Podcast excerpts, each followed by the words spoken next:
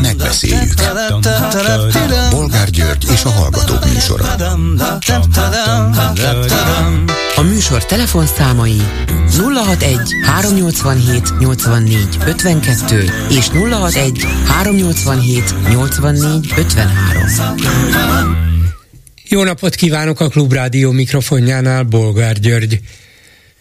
Mai műsorunkban beszéljük meg, hogy egyelőre menekülésben van Orbán Viktor a kegyelmi ügyben. És folyamatosan a kirúgott elnökasszonyra mutogat, mint aki meg tudja mondani, hogy miért és kinek a hatására írta alá a pedofil segítő igazgató helyettes kegyelmi kérvényét. Az elnökasszony az illetékes hajtogatta Orbán többször is, több helyzetben is, több kérdésre is ez a legjobb védekezés, mert egy idő után mindenki felhagyja kérdezősködéssel, hiszen nem kap választ. Utána pedig jöhet a még jobb védekezés, a támadás. De hogyan fog támadni a híres neves magyar hadvezér?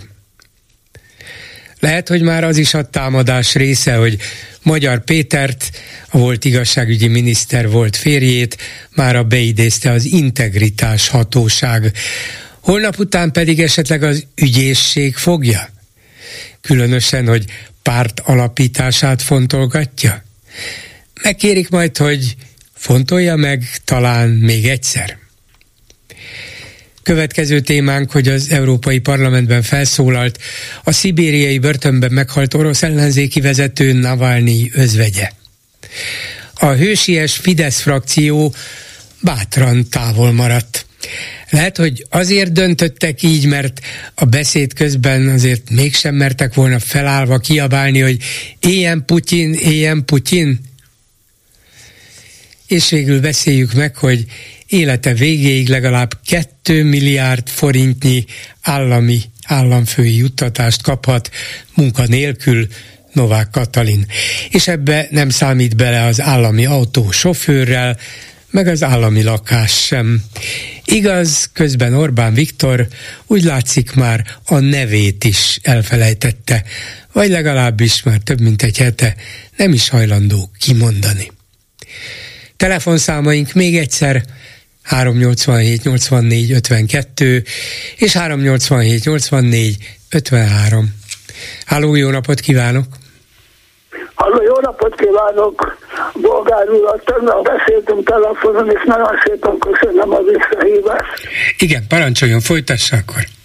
Két, két dologba szeretnék szólni. Az első téma Magyar Péternek az esete. Én nagyon-nagyon nagy szomorúsággal hallgatom azokat a kommentárokat, akik Magyar Péter támadják, hogy részt vett a korábbi rendszernek a működtetésében haszonélvezője volt, semmi újat tulajdonképpen nem mond. Hát én pedig úgy gondolom, hogy ez egyáltalán nincsen így.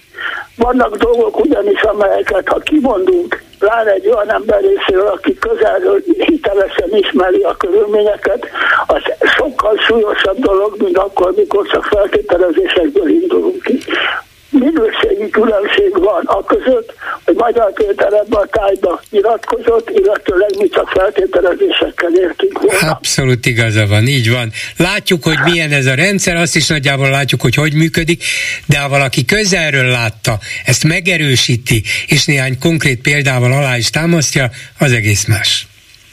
Pontosan így van, és ugyanakkor azt is el kell mondanom, hogy ez az ember hihetetlen kockázatokat vállal. Mert a Fidesz részéről el lehet képzelni, hogy a végletekig tönkre akarják tenni. Erre számtalan példa volt már a magyar történelemben, a Kiskörzapárt, a magyar fórum esetében, meg számtalan politikus esetében most a gyúcsáról nem is beszélek. Tehát egyrészt hihetetlen nagy veszély fenyegeti őt, legalább az elkölcsi tönkretétel oldaláról, de még az is lehet, hogy más szempontból is a Fidesz, illetve a hatalom részéről. De ugyanakkor ezt kell mondanom, hogy az ellenség szemben, az, az ellen ellenzék megbízható, az ellenzék sem megbízható. Számtalan a fordulnak hátat a korábbi álláspontjuknak, nem akarnak együttműködni. Egyáltalán nem lehet biztos az ember abban, hogy nem, árul, nem lesznek árulók, mondjuk például Magyar Péterrel kapcsolatosan. Hát Magyar hát Péter nehezen tudják elárulni, nincs vele kapcsolatban mit elárulni, legfőjebb azt mondják, hogy nem hiszünk neki, vagy nehogy már benne bízzanak, hát végül is mindeddig haszonélvezője volt az Orbán rendszernek, de nem is ez az ellenzék legfontos, vagy legnagyobb baja, hanem hogy tényleg nem tud egységesen erőt mutatni, és ezért nem tud új szavazókat magához vonzani. Szóval én csak azt szeretném hangsúlyozni, hogy Magyar Péter nagyon bátor ember, amit tesz ennek komoly súlya van, hogy ebből mi lesz, ez egy másik kérdés, nem látunk a jövőbe, meglátjuk a fejleményeket. Igen, és akkor azt mondják, hogy, hogy arra utalt, arra célzott, hogy sokak szerint nem mond semmi újat. Rengeteg újat mondott. Hát például ő volt az, aki a lehető legközelebbről fizikai értelemben is hallhatta, láthatta, hogy Varga Judit nem támogatólag terjesztette föl a köztársasági elnökhöz ezt a bizonyos kegyelmi kérvényt. Ha ő ezt mondta, és nem cáfolta meg senki kormányoldalról, az azért már gyakorlatilag konkrétum, és bemutatja azt, hogy a kormánynak ehhez a lépéshez többszörösen köze volt. Egyszer, amikor így terjesztették föl, másodszor, amikor mégis ellenjegyezték, jóvá hagyták. Aztán ott volt az a tegnap előtti Telex interjú, amiben előhozta a miniszterelnök feleségét. Azt mondta, hogy hát pozitív értelemben, de nem ez volt a lényeg, hanem az, hogy ő személyesen látta, hallotta, amint minisztereket kért számon, konkrét ügyekben, dolgokban ellenőrizte őket, mint bármilyen felhatalmazás és hivatal nélküli ember csak a miniszterelnök felesége. Ez bizonyos értelemben egy hatalmas leleplezés. És az a meglehetősen meghökkentő kijelentés, aminek az igazság volt azt hiszem megint nem kétségbe vonható, nyilván a saját felesége mondta el neki, hogy amikor egy alkotmánymódosítás ügyében mondta a kormányülésen, hogy neki ezzel szemben szakmai és erkölcsi kifogásai vannak, Orbán azt mondta az erkölcsi kifogásra, hogy magát nem ezért tartjuk itt. Hát ennél súlyosabb, leleplezőbb mondatot erről a tényleg gyomorforgató, cinikus, aljas rendszerről keveset lehet mondani. Ezek olyan leleplezések, amiket senki más nem tudna előadni, legfeljebb a kormány tagjai. Pontosan arról van szó, hogy csak olyan ember mondhatja ezeket a dolgokat, aki ismerte a körülményeket. És én szeretném idézni önt, amikor azt mondta, hogy Tálapasztal a Damaszkuszi úton megváltoztatta a véleményét. Magyarul ő korábban támogatója volt a Fidesznek, támogatója volt a kormányzatnak. Mégis bekövetkezhetett egy olyan pillanat, amihez nyilván hozzáárult az a trauma, ami a feleség, volt feleségét is érintette, amikor azt mondta, hogy elege van a dologból, megváltozott a véleménye, és a nyilvánosság elé állt. Ezt a dolgot értékelni kell, mert ez hihetetlen nagy dolog. Nem akarok még ezt aláhúzni Pálapostól esetét, ehhez a Bibliát is elegendő ismerni, hogy ilyen előfordulhat, de egyébként hasonló dolog történt a reform kommunistákkal, és számtalan példa van arra vonatkozóan, hogy emberek megváltoztatták a véleményüket, ha tetszik, akár Orbán Viktor is. Hát igen, csak ő nem a jó irányba, hanem a rosszba változtatta, de ez most már nekünk sajnos mindegy, de, de Magyar Péter esetében nem, mert ott még lehet, hogy ebből lesz is valami. Minden esetre, hogy többet tudunk, és még jobban átlátjuk ezt a rendszert, az biztos.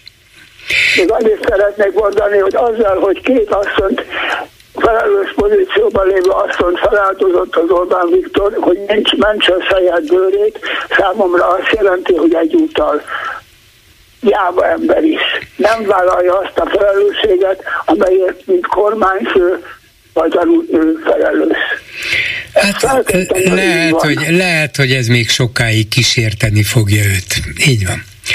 Köszönöm a szépen. Dolog, Igen, ja, a mondja. másik dolog, engedje meg még mondjak egy röviden egy másik témát. Ez alapvetően a környezetvédelemmel kapcsolatos. Én úgy gondolom, hogy nincsen szörnyebb dolog, amikor egy ország kormánya a saját állampolgárainak az egészségét nem védi. Saját polgárai ellen fordul ennek többféle oka lehet. Az egyik oka az, hogy nem becsüli a szakembereket, és nem kéri a szakembereknek a véleményét ki, de lehet az is, hogy maga esetleg van szándékosság. nem akarom megismételni a covid kapcsolatos helyzetet, amikor megrendelték ezeket lélegeztető készülékeket, de ott volt a kínai oltás is, amely egyértelműen javasolták, hogy csak idős emberek részére nem adható. Igen. Úgyhogy... Igen, hát... Azon ki, Ezer és ezer példa van arra, hogy, hogy az ő saját politikai hasznuk reményében az emberek biztonsága, egészsége az másodlagos volt. Na de ez a legszörnyűbb dolog, amikor egy ország kormány a saját állampolgárait nem védi, mert számtalan dolog történt többek között az orvosi vizsgálat, munkai orvosi vizsgálatoknak a csökkentése vagy megszüntetése. A Kén utcai készabjár esetében az a hatalmas talajszennyeződés, amely már évek óta tart, és gyakorlatilag alig történik előrehaladás, és ott van kötis, de azon kívül számtalan akkumulátor gyárak kapcsolatos teendő, ahol 30%-os szerelt keletkezik, elképzelt, elképzelhetetlenül nagy mennyiség. Arról nem is beszél, hogy az oldószer nem csak rákkeltő, hanem a bőrön keresztül is hat, továbbá szennyezi az ivóvizet. Úgyhogy igen, és, és itt a kormány nem tűr vitát, sem szakmait, sem politikait, keresztül akarja vinni minden, minden hát- további nélkül, igen, akár az emberek egészsége árán is. Hát ennél szörnyűbb dolog számomra nincs, mikor a járvány idején azt reklámozták, hogy minden emberi élet számít. Hát itt van, amikor számít.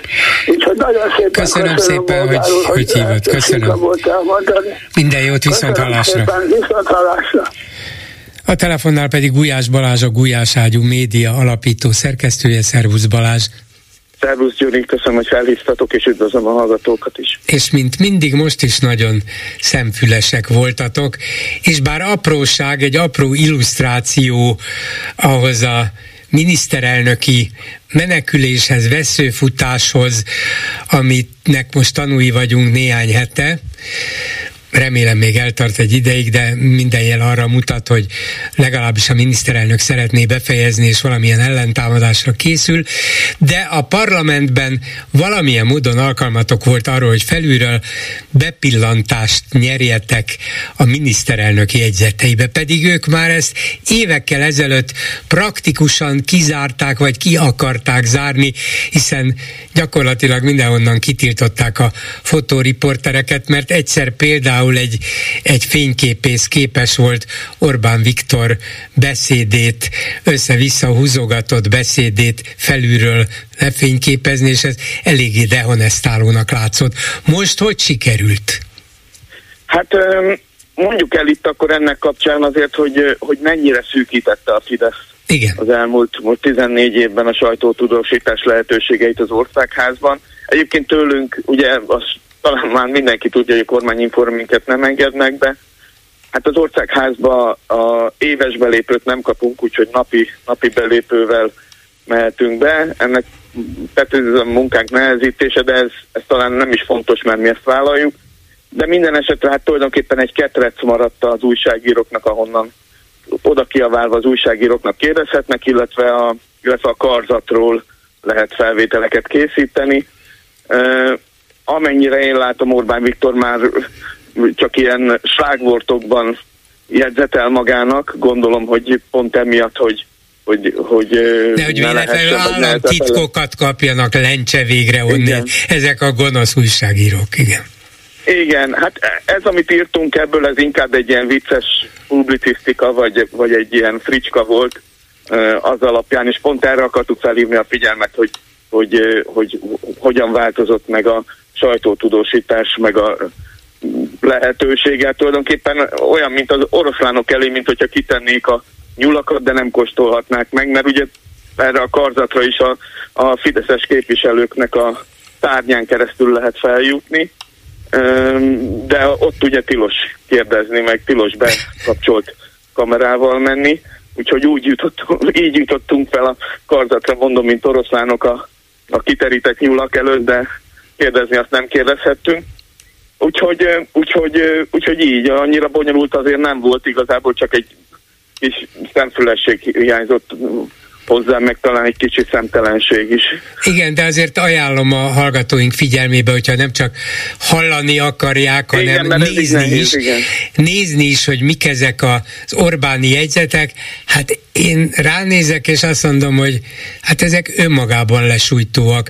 Egy miniszterelnök persze írhat akármit, meg jegyzetelet akármit, meg firkálgathat akármit, de ezek a firkák, hát egyszerűen az ember elkezd vakarozni, hogy Magyarország miniszterelnökének papírját látjuk, az ő ceruzáját, az ő kezének a nyomát. Hát ez, Igen. ez tényleg abszurdum.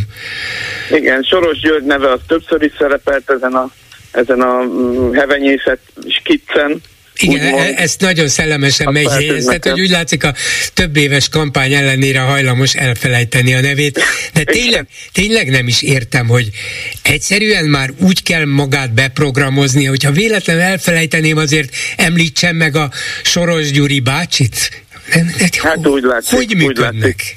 Én egyébként úgy láttam, hogy ezen a bizonyos hétfőn, mert ugye ez hétfői maratoni ülésen voltam, ahol sikerült fotókat készítenünk, én úgy láttam egyébként, hogy, hogy ott előtte ő eleve Rogán Antallal jött be, meg más minisztertársakkal, meg államtitkárokkal, akiket kérdeztek. Én azt gyanítom, hogy előtte volt egy fejtágító, és ők onnan érkeztek. Mindenkinek ugyanaz a, az a táblázat volt kinyomtatva, hogy ők hány pedofilt csíptek el, és hányat csípett el a 15 Tényleg? Ja, ezt is lehetett látni, hogy, hogy mindenki ugyanazzal a felszereléssel érkezett? Ugyanazzal, ugyanazzal Aha. az egységcsomaggal. Én azt gyanítom, mondom, hogy hogy a miniszterelnök is egy ilyen fejtágítón vehetett részt előtte a Na de a ő tágította a többiek fejét, nem az övét tágították. Igen, hát talán a propaganda miniszter talán adhatott ötleteket, mondom, egy ilyen kinyomtatott táblázatok, meg mindenféle csodák, és mindenki ugyanabból dolgozott. És egyébként ugyanazt is mondták a, az ellenzéki sokszínű kérdésekre, mindegyikre ugyanaz volt a válasz. Uh-huh. De azért mégiscsak sokat mondó egy ilyen irka-firka képsorozat, mert, mert ha ott van a, kivehetően az, hogy soros, akkor nyilván Rogán azt mondta, hogy most nem erről van szó, hanem itt van ez és ez, ezzel és ezzel válaszoljatok, itt vannak az adatok, de Orbán biztos, ami biztos följegyezte magának, hogy soros. Úgy látszik, ezt nem kapta meg kifejezett propaganda utasításba, de magának a figyelmébe próbálta Igen. vésni, hogy ha kell, akkor sorossal is előjövök. Igen, meg egyébként láttuk ott K. Endre monogramját, meg a V. Jánosnak a monogramját, meg, meg tényleg ilyen összefüggéstelen szavakat. Nehéz volt kisilabizálni, sokat dolgoztunk rajta, hogy valamit sikerüljön, úgyhogy ajánljuk az olvasóknak ezt a, ezt a cikket, menjenek rajta végig ők is, és hát küldjék be, hogy önök, ők szerint Mit, uh-huh. mit írkálhatott a miniszterelnök még, amit Igen. nekünk nem sikerült megfejteni? Igen, hát minden esetre érdekes oknyomozó eh, kísérlet volt ez. Mm, vajon a miniszterelnök a Novák Katalint még NK és NK-ként sem hajlandó rövidítve sem emlegetni?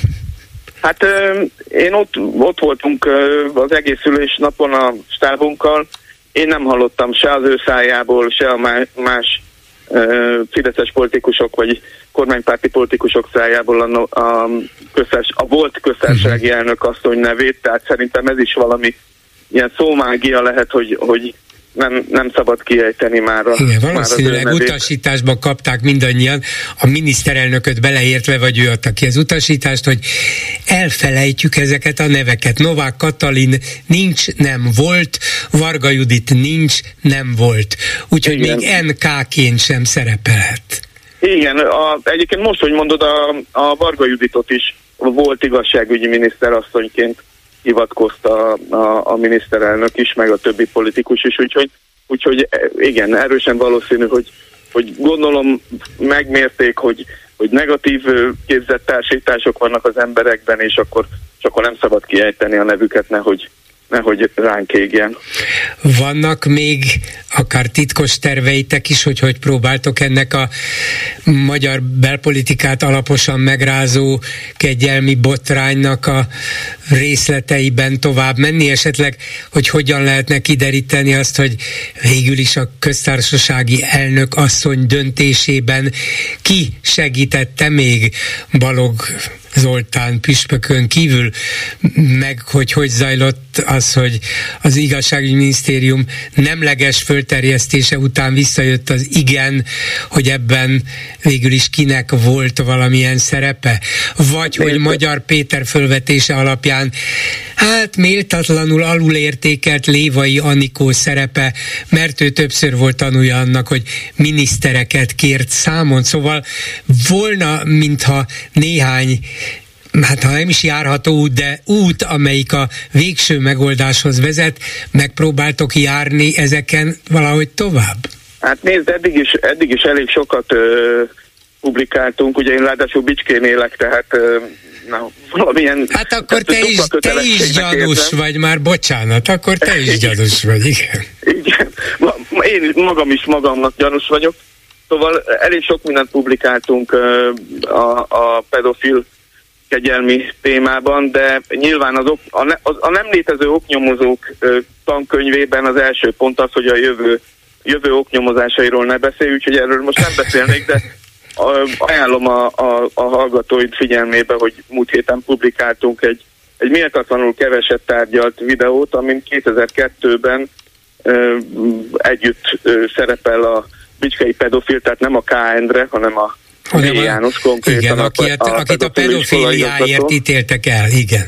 Igen, és neki kampányol Orbán Viktor a 2002-es, tehát 22 évvel ezelőtti önkormányzati választásokon, akkor együtt indult a Fidesz és az MDF, egy, egy egyesület, egy közös egyesület színeiben Bicskén, és, és en, en, ennek az egyesületnek jött kampányolni Orbán Viktor, úgyhogy, úgyhogy ezt is ajánlom a figyelmetekbe meg, meg hát Rogán Antal felelőssége is érdekesen keveset tárgyalt. Erről ma adtunk ki egy az iránytő intézet tanulmányát vagy felmérését, amiben viszont a magyarok 70%-a 69, valamennyi azt mondja, hogy hát Rogán Antalnak is van felelőssége, sőt azt mondják, hogy, hogy mennie kellene Rogán Antalnak is. Majd, Úgy, majd, ha, majd ha 90 százalék fölött lesz, akkor Orbán Viktor majd elfogadja a lemondását, ez lehetséges. Igen, ez egy érdekes kérdés egyébként, hogy mennyire, mennyire függ Rogán Antaltól, vagy mennyire nélkülözhetetlen Rogán Antal a miniszterelnök számára. Én afelé hajlok, hallottam ellenvéleményeket is, de én afelé hajlok, hogy hogy azért Rogán Antal talán az egyik legfontosabb minisztere, hiszen a, a propaganda az egy, az egy nagyon erős hát A propaganda és a titkos szolgálatok a így együtt, az, az még veszélyesebb. Ráadásul, ráadásul, igen. Igen, ez biztos, sőt nem most azt mondanám, hogy az egyik legerősebb, a legfontosabb, legerősebb minisztere, ez biztos. De az Orbán igen. rendszer Orbán Viktor nélkül nem létezne, Rogán Antal nélkül még tudna létezni egy ideig. Igen, igen, ezt én is így gondolom, igen. Igen. Ha már elmondtad, hogy te Bicskén élsz, azért Igen. gondolom néha mozogsz is, vannak akik esetleg fölismernek téged, már nem csak úgy, hogy ó, szomszéd, hanem hogy tudják is, hogy ki vagy. Igen érzékelsz valamit abból, hogy, hogy az emberek hogy fogadják ezt a belpolitikai botrány sorozatot? Vagy igyekeznek nem beszélni róla, félnek, visszahúzódnak, nem akarják nem, a véleményüket? Nem, ellenkezőleg elég, elég sokat beszélnek. Nyilván én is olyan olyanokkal beszélgetek, vagy olyanok szólítanak meg, akik, akiknek van véleményük erről a dologról, tehát egy passzív ember nem fog erről megszól, beszélgetni velem, vagy nem fog ezért megszólítani. De én azt látom, hogy tehát volt egy érdekes helyzet, amikor kirobbant ez a botrány, ezt a bizonyos V. János nagyon sokan kedvelték, sőt volt egy olyan összeesküvés elmélet is a, a városban, hogy, hogy hát őt szegényt behúzták a csőbe, és valójában nem is pedofil. Beszéltünk például a, a az egykori szomszédjával, aki, aki hát az egekben magasztalta, és én ebben látok változást az elmúlt két-három hétben a botrány hatására, hogy az emberek elkezdtek gondolkozni, hogy hát azért a három bírói fórum, ugye a utolsó kettő ráadásul egy bírói tanács ítélkezett, hogyha ez, ez mind elítélte vaskos paksaméták alapján, meg ugye most már jönnek ki az áldozatoknak is a nyilatkozatai, meg az egykori ott dolgozó nevelőknek a nyilatkozatai, akkor azért mégiscsak lehet ebben valami, és, és én ebben váltok változást, hogy, hogy egyre több, egyre kevesebb bicskei gondolja azt, hogy ez, ez V. János ellen egy összeesküvés volt, és, és gonosz erők le akarták őt győzni.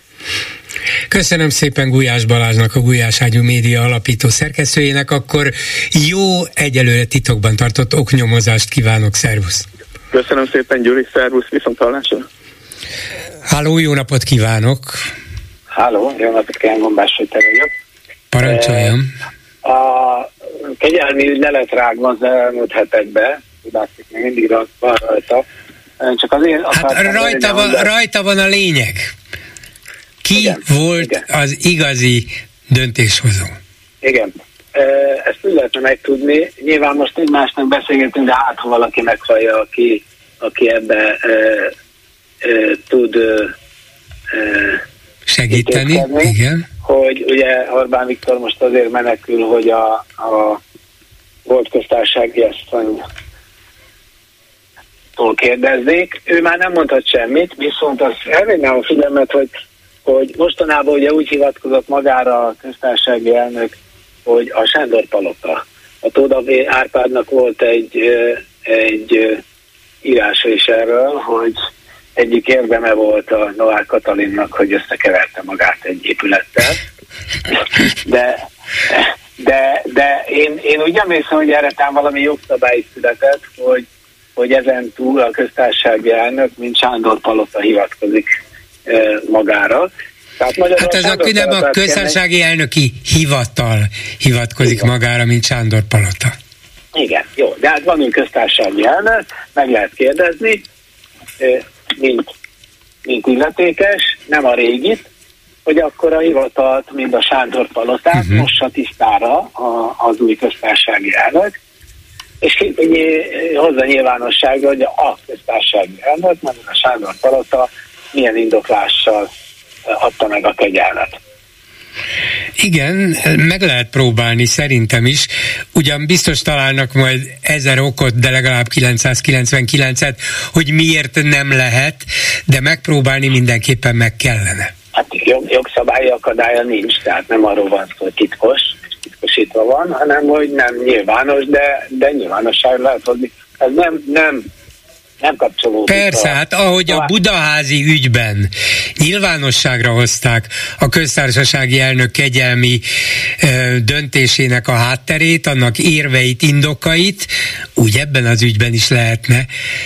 Hát abszolút lehetne, persze, főleg, hogy a miniszterelnök minősítette súlyos hibának. Hát akkor a Budaházinál lehetett. Ebben a súlyos, súlyosan hibás esetben, amiben belebukott az elnök és a miniszter, hogy ne lehetne. Igen, és a, amit még hozzátennék, amit nem sok mindent lehetne hozzátenni erre a lerágott csontról, hogy bár elhangzik, de nem eléggé az, ami, ahogy az, most úgy hivatkozik erre az ügyre, hogy hát lám-lám náluk van következménye a, a hibáknak, azért mindig mondjuk el, hogy nem a hibának van következménye, hanem annak, hogy lebuktak. Nem tavaly, át, nem tavaly áprilisban mondtak le a, a kedves hölgyek, hanem amikor lebuktak. Hát mert akkor még akkor... nem tudták szegények, hogy ez hiba volt. Akkor azt hitték, hát hogy csak akkor... nagyon, na, nagyon empatikusak, együttérzők voltak, megértették a szenvedő, elítéltet, és így tovább.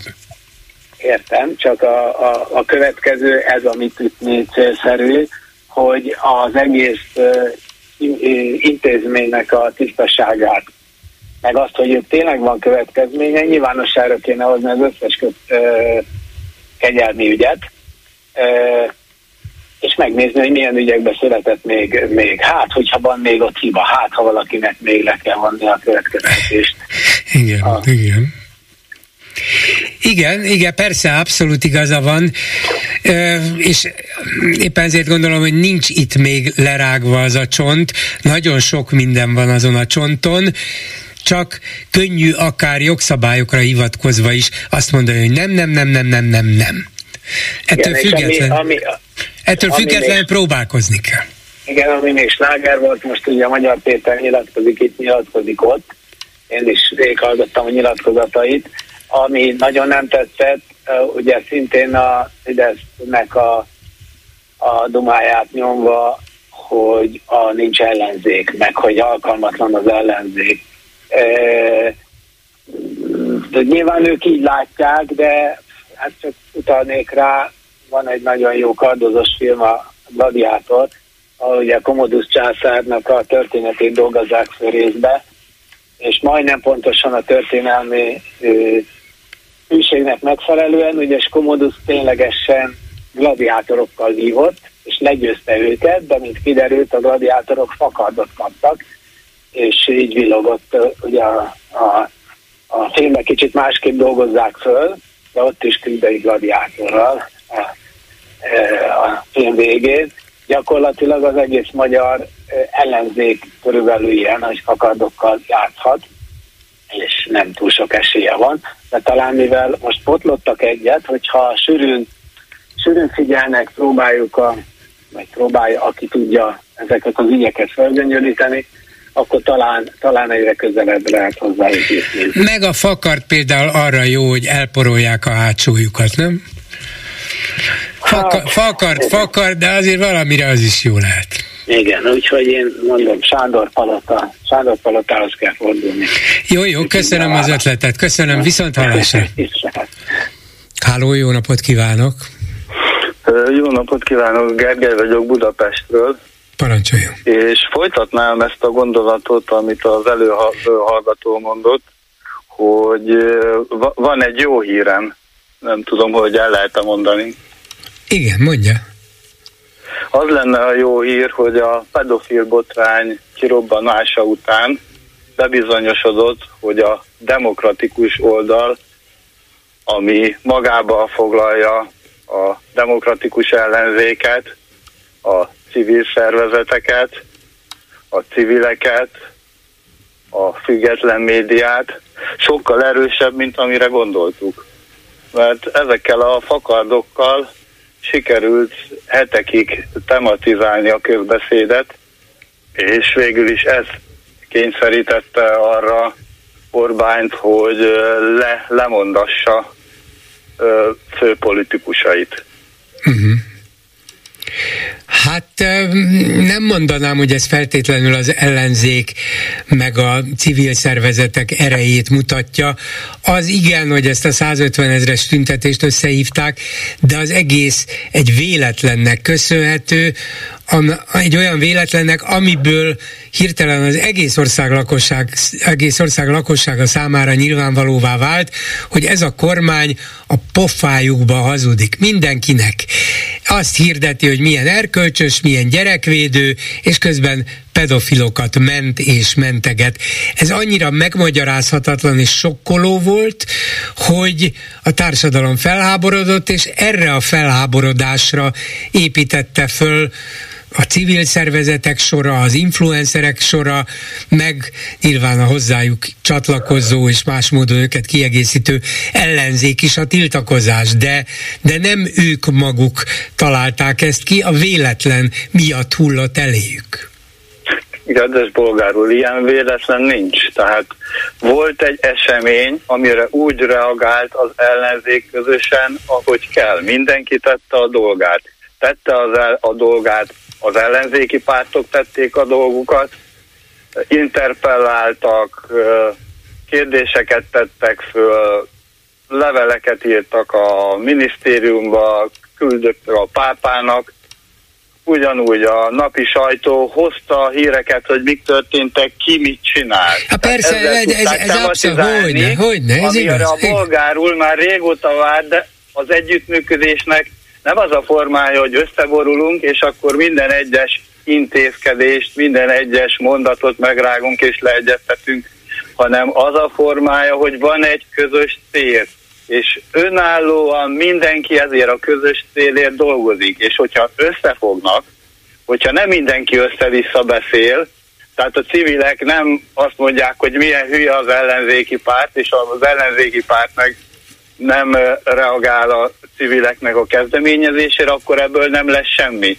És ez nyolc nap alatt sikerült lemondatni, és ez egy nagyon nagy eredmény. Tehát erre büszkék lehetne lenni, és erre kellene, mint egy példára, példára emlékezni, hogy így működik a megfelelő ö, ö, együttműködés. Igen, csak jelzem azért, hogy a, a, mondjuk az a nagy tüntetés már a lemondás után született, szóval a Orbánék nyilván akkora pánikba estek, látva, hogy ez egy pillanat alatt végigfutott a társadalmon, hogy a különböző kérdések, nyomás, média, érdeklődés és mm, álláspontok kifejtése ellenére, vagy bizonyos értelemben még attól is függetlenül azt mondták, hogy ez tarthatatlan, mert ez ránk fog szakadni, most vágjuk el a dolgot, és válasszuk le őket Orbán Viktortól.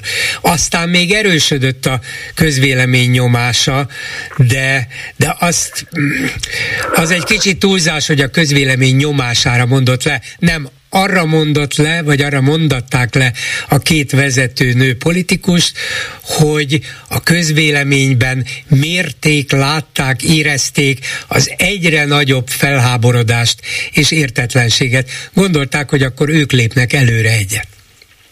Hát igen, mert sikerült ezzel az összefogással, sikerült eljutatni annak a közvéleményhez, vagy a Fideszes szavazókhoz is ezt az üzenetet, amit előtte nem sikerült sok esetben, mert össze-vissza beszélt mindenki. Na jó, itt egyetlen Úgyhogy... egy ügy volt, és itt könnyű volt koncentrálni, és könnyű volt megértetni az emberekkel, és érzelmileg involválni őket.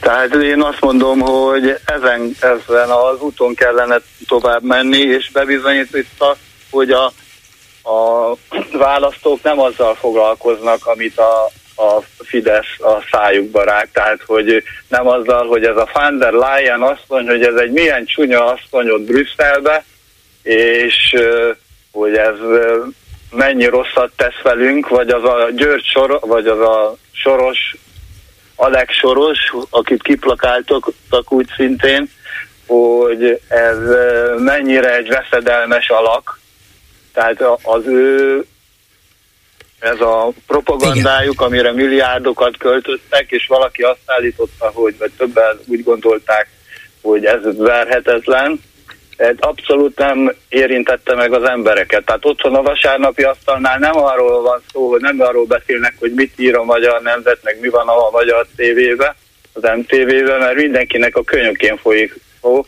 hanem sokkal nagyobb a súlya a független médiának, mert azok írnak valóságos híreket, és nem csak propagandát. Hát igen, Tehát a propagandára önnel egyet, senki igen. nem kíváncsi, úgyhogy ne becsüljük le, ne becsüljük Nem le becsülöm le, az persze. médiának a súlyát. Hát, de hogy hogyha... különben nem ülnék itt, ugye, ha lebecsülném. Nem becsülöm le, csak azt mondom, hogy attól, hogy senki nem azzal ebédel, vagy kell reggelire, hogy von der leyen és Alex Sorost megeszi, mert Orbán ezt adta ki utasításba, meg ezt propagálja, de azért ez lassan beszivárog az emberek tudatába és ameddig nem jön egy ilyen ügy, ami feláborítja a tömegeket, addig ennek a tulajdonképpen bugyuta, tulajdonképpen szájbarágos, tulajdonképpen jelentéktelen ócska propagandának van meg a masszív nyomása, súlya, és az emberek azt mondják, hülyeség, hülyeség, de van benne valami. Most, amikor hirtelen ez a nyakukba szakadt, most már nem számít, most ez nem érdekes valóban. Hát pedig itt is voltak, akik azért megpróbáltak keresztbe tenni, hogyha nem is szándékosan, tehát például Török Gábor vagy néhány politológus, az Orbán első nyilatkozata után azt mondta, hogy hát ez egy milyen hatalmas, gyönyörű tanítani való válságkezelés volt, amikor nem vette észre, hogy az a pár mondat, amit mondott, az egy nagyon csúnya, hogy is mondjam, fasiszta propaganda volt, populista, populista, fasiszta propaganda volt az a pár mondat, és hogy előre tolta, nem tudom, emlékszik-e, hogy először előre tolta, hogy nekem mennyi unokám van, meg mennyi gyerekem van, hogy ezzel valaki történne, akkor én miszlikbe szakítanám meg, stb. bevágnám, tehát erre a mondat, tehát ez jelzi, hogy, hogy, hogy, a, hogy Magyarországon már a független oldalnak is, meg a szakértőknek a gondolkodására mennyire torzult ebbe a több éves propagandába. Mert, mert ezek a mondatok elfogadhatatlanok. Tehát egyrészt azt jelenti, hogy a gyerekeit előre tolja, hogy semmilyen erkölcsi érzékel nem rendelkezik. De ugyanúgy a, a, az államfőasszony is ugyanúgy ezt csinálta, hogy a gyerekeit tolta előre egy ilyen pedofil ügybe.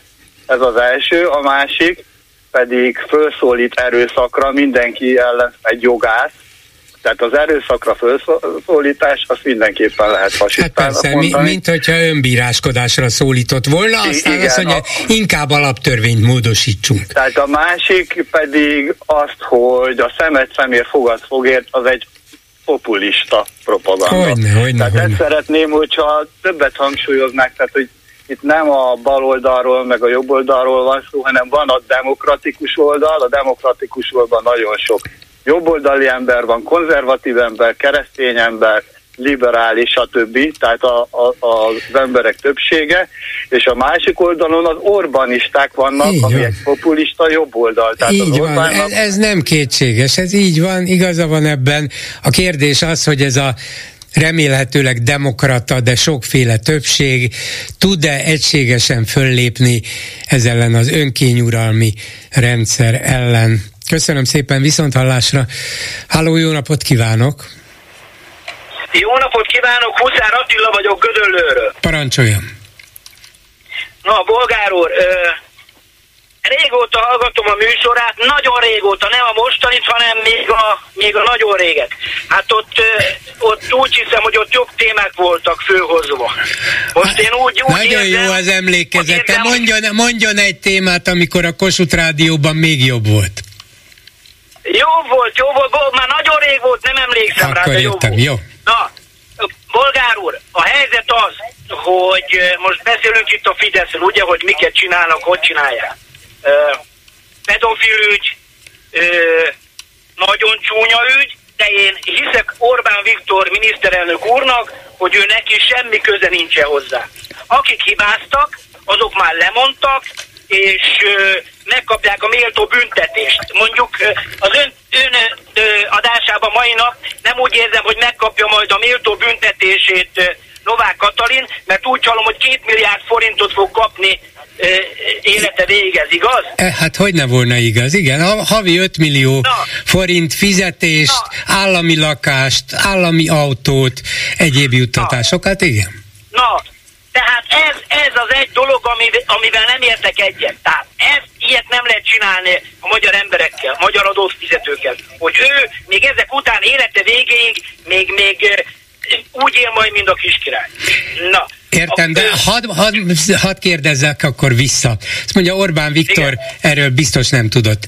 De hát Orbán Viktornak Igen. tudnia kellett róla, hiszen az ő kormányának a minisztere volt az, aki fölterjesztette évente egyszer így szokás a kegyelmi kérvényeket az államfőhöz, és nem javasolta annak a férfinak a kegyelmét jóváhagyni, aki egyébként bicsként dolgozott, és akinek a például akinek a védelmét a bírósági tárgyaláson az Orbán családhoz nem, az egy fideszes alpolgármester vállalta el, a pedofil iskolaigazgatót vagy gyerekotthon igazgatónak a védelmét az Orbán család cégeinek jogásza vállalta el, tehát még, még ilyen fizikai és bizonyos értelemben személyi közelség is ismert és közismert, és nem cáfolt, de mondom, a saját minisztere terjesztette föl, majd a köztársasági elnök visszaküldte, hogy ezt megváltoztatja. Erre a miniszter a saját korábbi álláspontját felülírva ezt mégis jóvá hagyta. El tudja képzelni, hogy ilyen ügyekben, mondom, ez évente egyszer van, a miniszterelnök nem kér magyarázatot, hogy hogy is van ez, hogy te nem javasoltad, onnan föntről lejött, hogy ő javasolja, és akkor te beleegyezel? Lehetséges ez, hogy a miniszterelnök erről ne tudjon? Polgár úr, én fanatikus vagyok, úgyhogy én lehetségesnek tartom ezt a dolgot. De miért nem inkább én realista, azon kívül, hogy fanatikus? Miért én nem a, miért... fanatikus vagyok, szeretem a feleségemet fanatikusan, drukkoltam a fraznak fanatikusan, élem az életem fanatikusan, és a rendes embereknek hiszek fanatikusan, a többieknek nem. A lényeg az, ö, bolgár úr, hogy a, ö, beszéltek, itt a, beszéltek itt az ellenzékről is.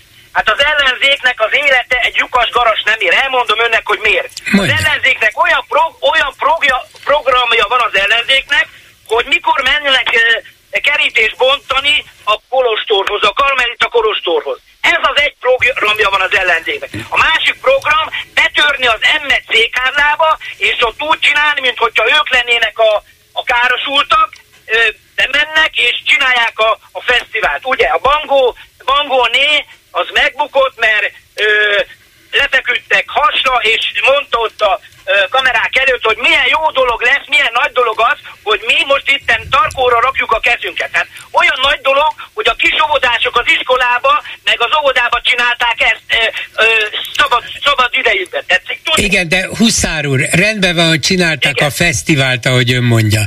De mégiscsak ellenzéki, megválasztott ellenzéki képviselőkről volt szó, akik szerettek volna szót kapni a mindannyiunk pénzéből működtetett állami televízióban. És nem kaptak szót, azóta se kapnak szót. A kormány gyakorlatilag semmibe veszi őket, pedig kiegyensúlyozott tájékoztatást kellene folytatnia, és rendszeresen behívnia az ellenzék politikusait. Nem teszik meg. Egyszer elmentek tiltakozni. Végül őket vágták ki fizikai erőszakkal megérdemelték bolgárul. De miért? Nem lehet bemenni hát, egy, Miért ne lehetne? Joguk bemenni, volt, bocsánat, joguk nem, volt. Nincs egy jogos, de, de volt. Ő, ő választ, és ahhoz joguk joga, volt. hogy amikor például elítélték a, a, a Vadjó László urat ez miatt, akkor hogy egyből lemondjon, ahhoz nincs neki joga csak a, a De bocsánatot kérek, miért nincs, miért, miért nincs joga, miért nincs joga, mondom, mondom, miért nincs joga az ellenzéki képviselőnek bemenni a magyar televízió épületébe, a kormánypártinak meg van joga naponta 77-szer. Ilyen módon nincs, hogy erőszakkal. Tehát nem erőszakkal ö, mentek be. Normális módon is meg lehetett volna oldani. Nem, hát bementek, norm, normális a, módon a, mentek be. úr, hova tűnt, hova tűnt most a, a, a Péter, hogy hívták a bohócot a parlamentbe? Segítsen már. Milyen Péter volt a bohóc? Mely? A, ö, néztem a parlamenti közvetítéseket a Jakab Péter, Jakab Péter. Ja, értem, most értem. Hát, mit mondta neki az Orbán Viktor, hogy le lesz kapcsolva a villany, mikor hazamegy? Most hazament. Na mindegy, bolgárul... De ha ezt mondta a... neki az Orbán Viktor joga volt Orbán Viktornak azt mondania egy országgyűlési képviselőnek, hogy mennyi nem, mert le lesz kapcsolva a villany? Joga volt azért, mert a Jakab Péter előtte le, tehát az Orbán Viktort elmondta mindenféle bűnözőnek, meg a, a, a jobb oldalt mindenféle bűnözők voltak, hát ilyet nem lehetett megcsinálni az életbe. Hát hogy jön az ember hogy jön az ember ilyen? Azért a 6 millió forintért, amiért mi fizetünk a magyar állam. Á, értem, értem, értem. Hát talán azon az alapon bűnözőzte le őket, amilyen alapon a volt igazságügyminiszter férje, ez a bizonyos Magyar Péter, aki azt mondja, Magyarország egy családi vállalkozás lett, családi tulajdonban, és egymás után osztják ki maguknak a vagyont. Ez bűn, nem? Ez bűncselekmény, nem? Ez bűn, nem bűncselekmény, nem tudom, hát, hogy hogy van, a Gyurcsány korszakában nem tudom, hogy volt. Nem volt, nem Ugyan volt így. Volt. Nem, nem, nem volt nem, így. Még, a, Fide, még a Fidesz se állította, hogy így volt. Ugyanígy, na mindegy, a helyzet, ez a P- Magyar Péter meg eddig jó volt neki ott a szép kis kerekasztal mellett ezegetni, ugye? Ő is megkapta a juttatását mindent után, most meg úgymond a volt gazdájának az asztalára piszkít rá, hát ez nem egy gerinces ember, emberi tett. Tehát ő, mint ember, ő egy nulla. Ő egy nulla. De ha leleplezi azt a, azt a bűncselekmény sorozatot, ami Magyarországon folyt és folyik, akkor talán még ezt az áldozatot is vállalnia kell, hogy például ön megszídja. Rendben, rendben. Leplezze le. Ha, ha igaza van, és talán tudja, ö, alá tudja támasztani bizonyítékokkal, de csak hitelrontásból, hogy most én ezt mondom, meg azt mondom, az, az nulla, az egész nulla. A Kálmán Olga is, Kálmán Olga is e, nyilatkozott a, az egyik e, tévébe, és ő azt mondta, hogy hát tudják, mert van olyan ismerősük a, a nagyon magas szinten, aki ezt mondta, de hát akkor polgár úr, én is mondok valamit, nagyon magas, egy kicsi szintről van valami értelme? Nincs értelme, akkor van ennek értelme, hogyha én tudom is ezt bizonyítani. Igen, tudják akkor... bizonyítani, bizonyítsák Értem, értem. Akkor De akkor miért nem mondja a volt államfő, a volt köztársasági elnök azt mondja, hogy kérem szépen, ezért és ezért döntöttem a kegyelem megadása mellett. Orbán Viktor azt mondta, hogy ő mondja meg. Mondja meg, miért nem? Na, így van, az, az titkosítva van állítólag. De miért van? egyéb olyan titkos, titkos dolognak látszó dolog, ami a, a, a baloldal csinált, ott is minden De, de szeretném tudni, hogy a baloldalról most ne beszéljünk. Ez miért lenne titkosítva? Ja. Hát miért ne tudhatnánk meg, hogy miért kapott kegyelmet? no, hát meg, meg lehetne tudni, meg lehetne tudni, de Én hát is azt, azt mondta mondom. a Novák Katalin, hogy ő, ő nem mondja, mert ő titkosítva. Mert ő csak a Budaházi Györgynek a szabadon bocsátásáról mondja meg, hogy miért. De K. Endréről nem mondja meg. Hogy van ez? Igen. Na, akkor mi van még a, a, ne, a melyik ügy? Nem, ma, ma, az, az orosz ellenzéki. Orosz ne, ellenzéki, igen. ugye? Azt nem tudom, hogy milyen Na. ügy van még. Orosz ellenzéki az volt szegény, igen. Na, az orosz ellenzéki, aki meghal. Az. Na várj. Eh, bocsásson meg, bolgár úr, mi közünk van nekünk egy or- orosz ellenzéki senki házi. Egyetlen, egy, egyrészt nem senki házi, hanem halott. Bizonyos értelemben hősi ja, halott. Másodszor, okay. másodszor az a közünk hozzá, hogy ennek az orosz ellenzékinek a hazája, a kormánya két év óta öli az embereket a velünk szomszédos Ukrajnában. Köztük ukrajnai magyarokat is. Ennyi közünk van hozzá, és remélem, hogy ön is ezt tudomásul veszi. Viszont hallásra! Háló, jó napot kívánok! Jó napot kívánok, Szolmi Zsuzsa vagyok. Parancsoljon! Én már az adás elején bejelentkeztem, de ugye hallgattam itt előttünk ezt az urat, aki nagyon föl volt háborodva. Hát valamiben kicsit én is úgy, úgy, úgy elgondolkoztam. Én kormányellenes vagyok, tehát nem úgy mondom, mint ahogy ő, de én is el tudom képzelni, hogy esetleg az Orbán Viktor erről nem tudott, mégpedig ugye tegnap a Kálmán Olga elmesélte itt a, a családi barátságot, a Magyar Péter pedig azt, hogy a Anikó asszonynak hát elég komoly befolyása van ott dolgokra.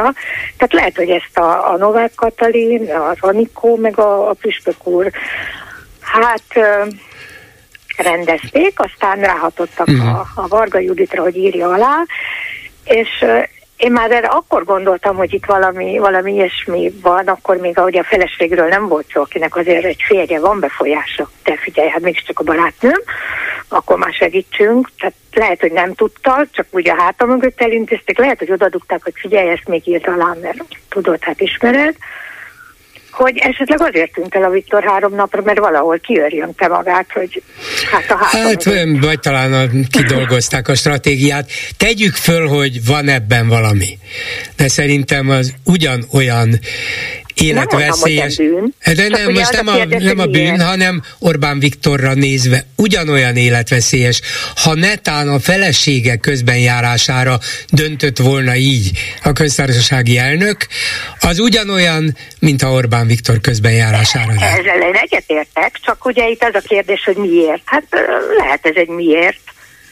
Ja, hát persze, lehet egy miért. Ezért kéne tudni pontosan, hogy kik voltak azok, maga Balogh Zoltán is azt mondta, hogy nem én voltam az egyetlen. Igen, mindenki azt mondja, hogy ne, hát nem, Na, én, nem én voltam. És hát akkor még ki? Tanácsadó akkor... testület még nem volt akkor. Ki volt még? Hát igen. Hát ezt kéne tudni. És valamiért nem tudjuk meg, tehát nagyon kényes lehet.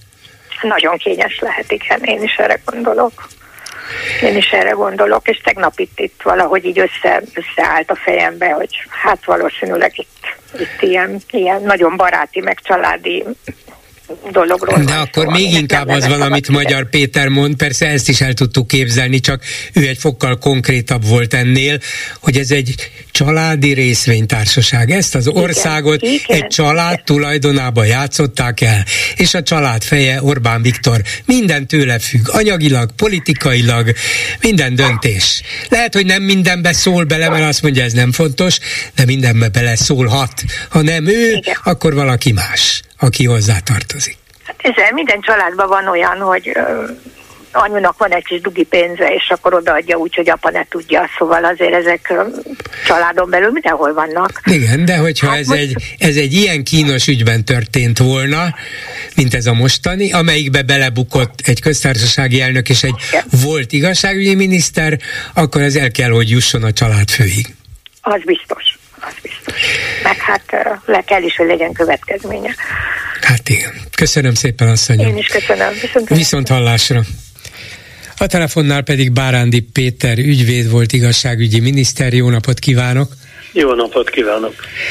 Az a kérdés, hogy mit lehet megtudni hagyományos úgynevezett jogállami keretek között a jelenlegi jogszabályok alapján mit lehet kérdezni, és mire lehet joggal és esetleg bizonyos hatósági vagy bírósági jóváhagyással választ várni ebben a kegyelmi ügyben.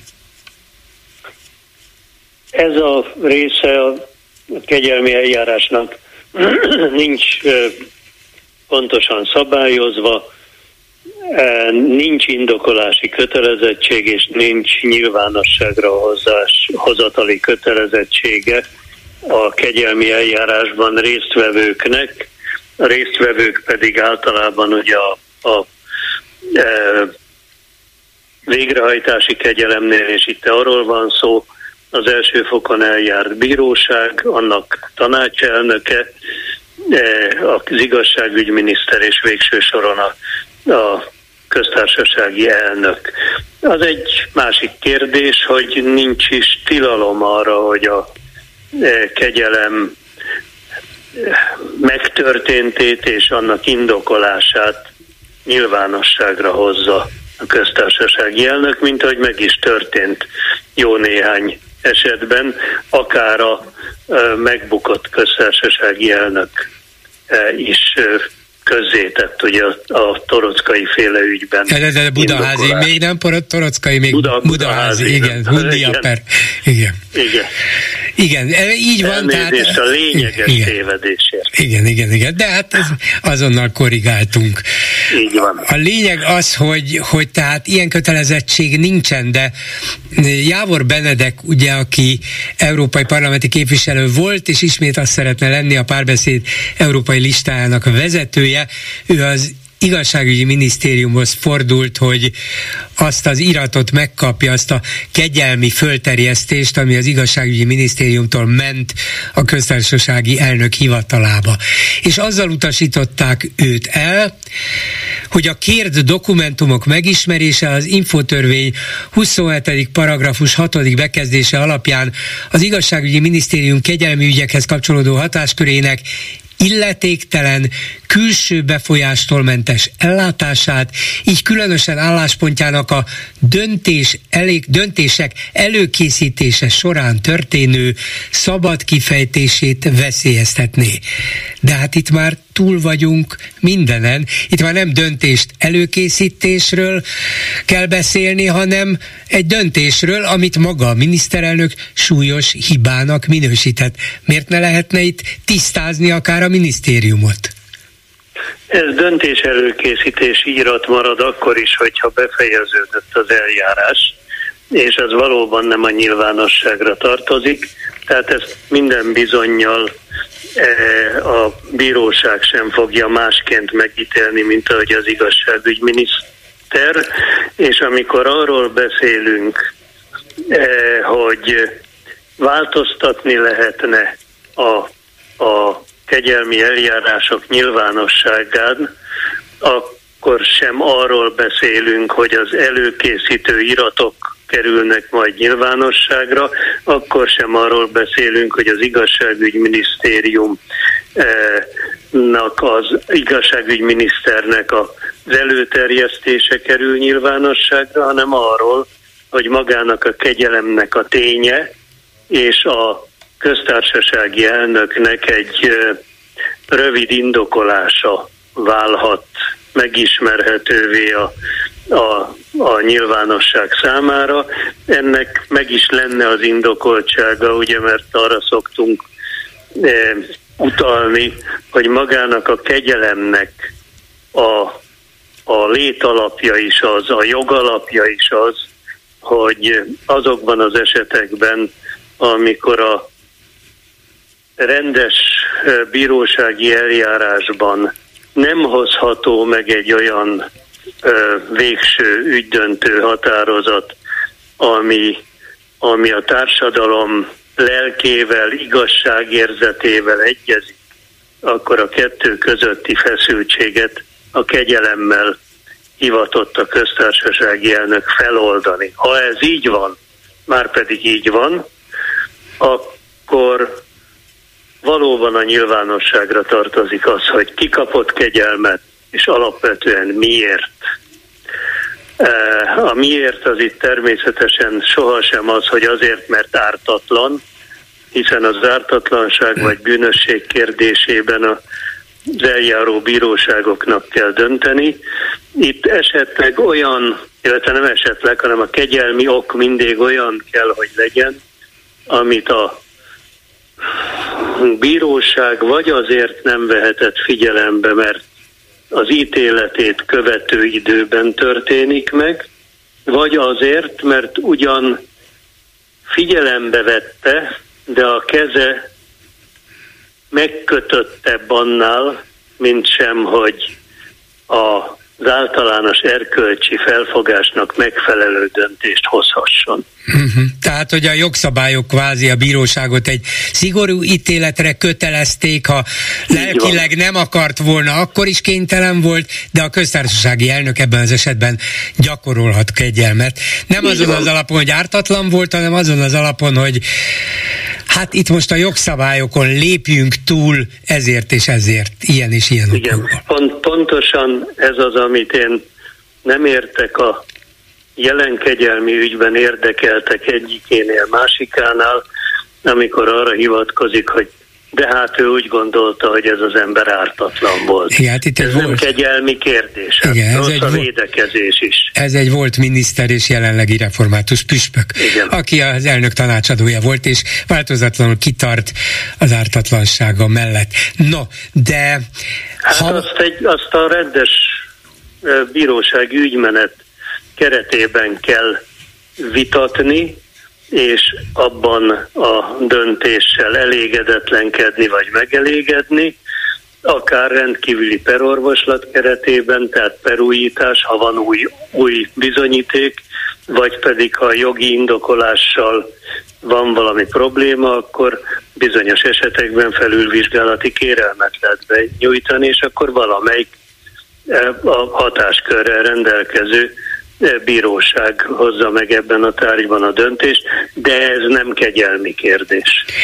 Lehet-e a mostani körülmények, a mostani törvények alapján a köztársasági elnök, a most már új köztársasági elnök hivatalához fordulni, arra kérve őt, hogy adja ki ennek a konkrét ügynek a, a kegyelmi döntésnek az érvét, vagy annak legalább egy összefoglalóját, hogy a társadalom ezt az egész országot megrendítő ügyben világosabban lásson. Nem kötelező, de ez elvileg ma is lehetséges.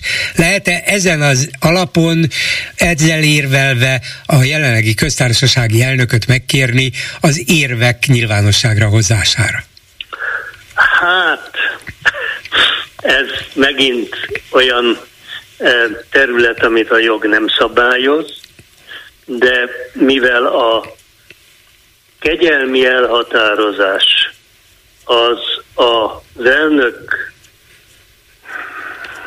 bölcsessége, igazságérzete, erkölcsössége alapján születik, az adott elnöknek az elhatározása az,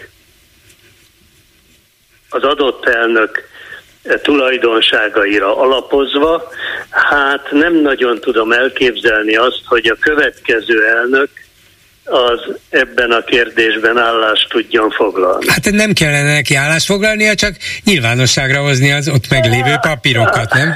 Hát arról, arról azt gondolom, hogy kegyelmi ügyben a jövőben sem lesz szó, hanem egy rövid indokolást fog a, az elnök nyilvánosságra hozni a saját elhatározásáról.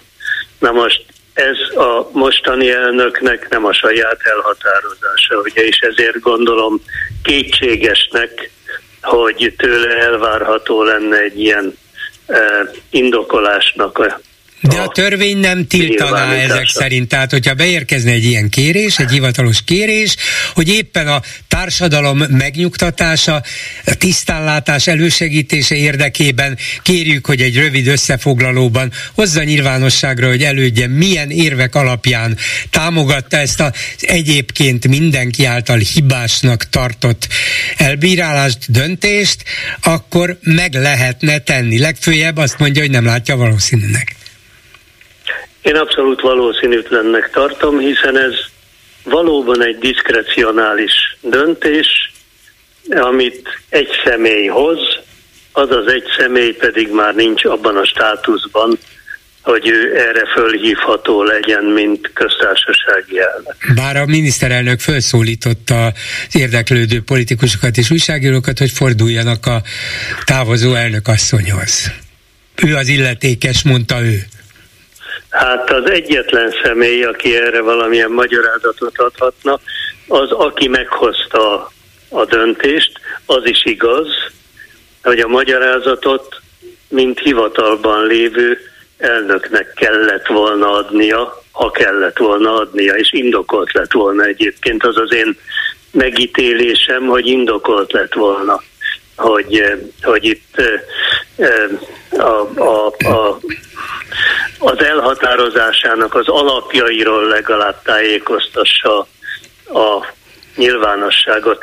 De hát mehetünk tovább, ugye azt tudjuk, hogy borzasztó sok kegyelmet adott, egészen eltérően a, a megelőző elnökökhöz képest.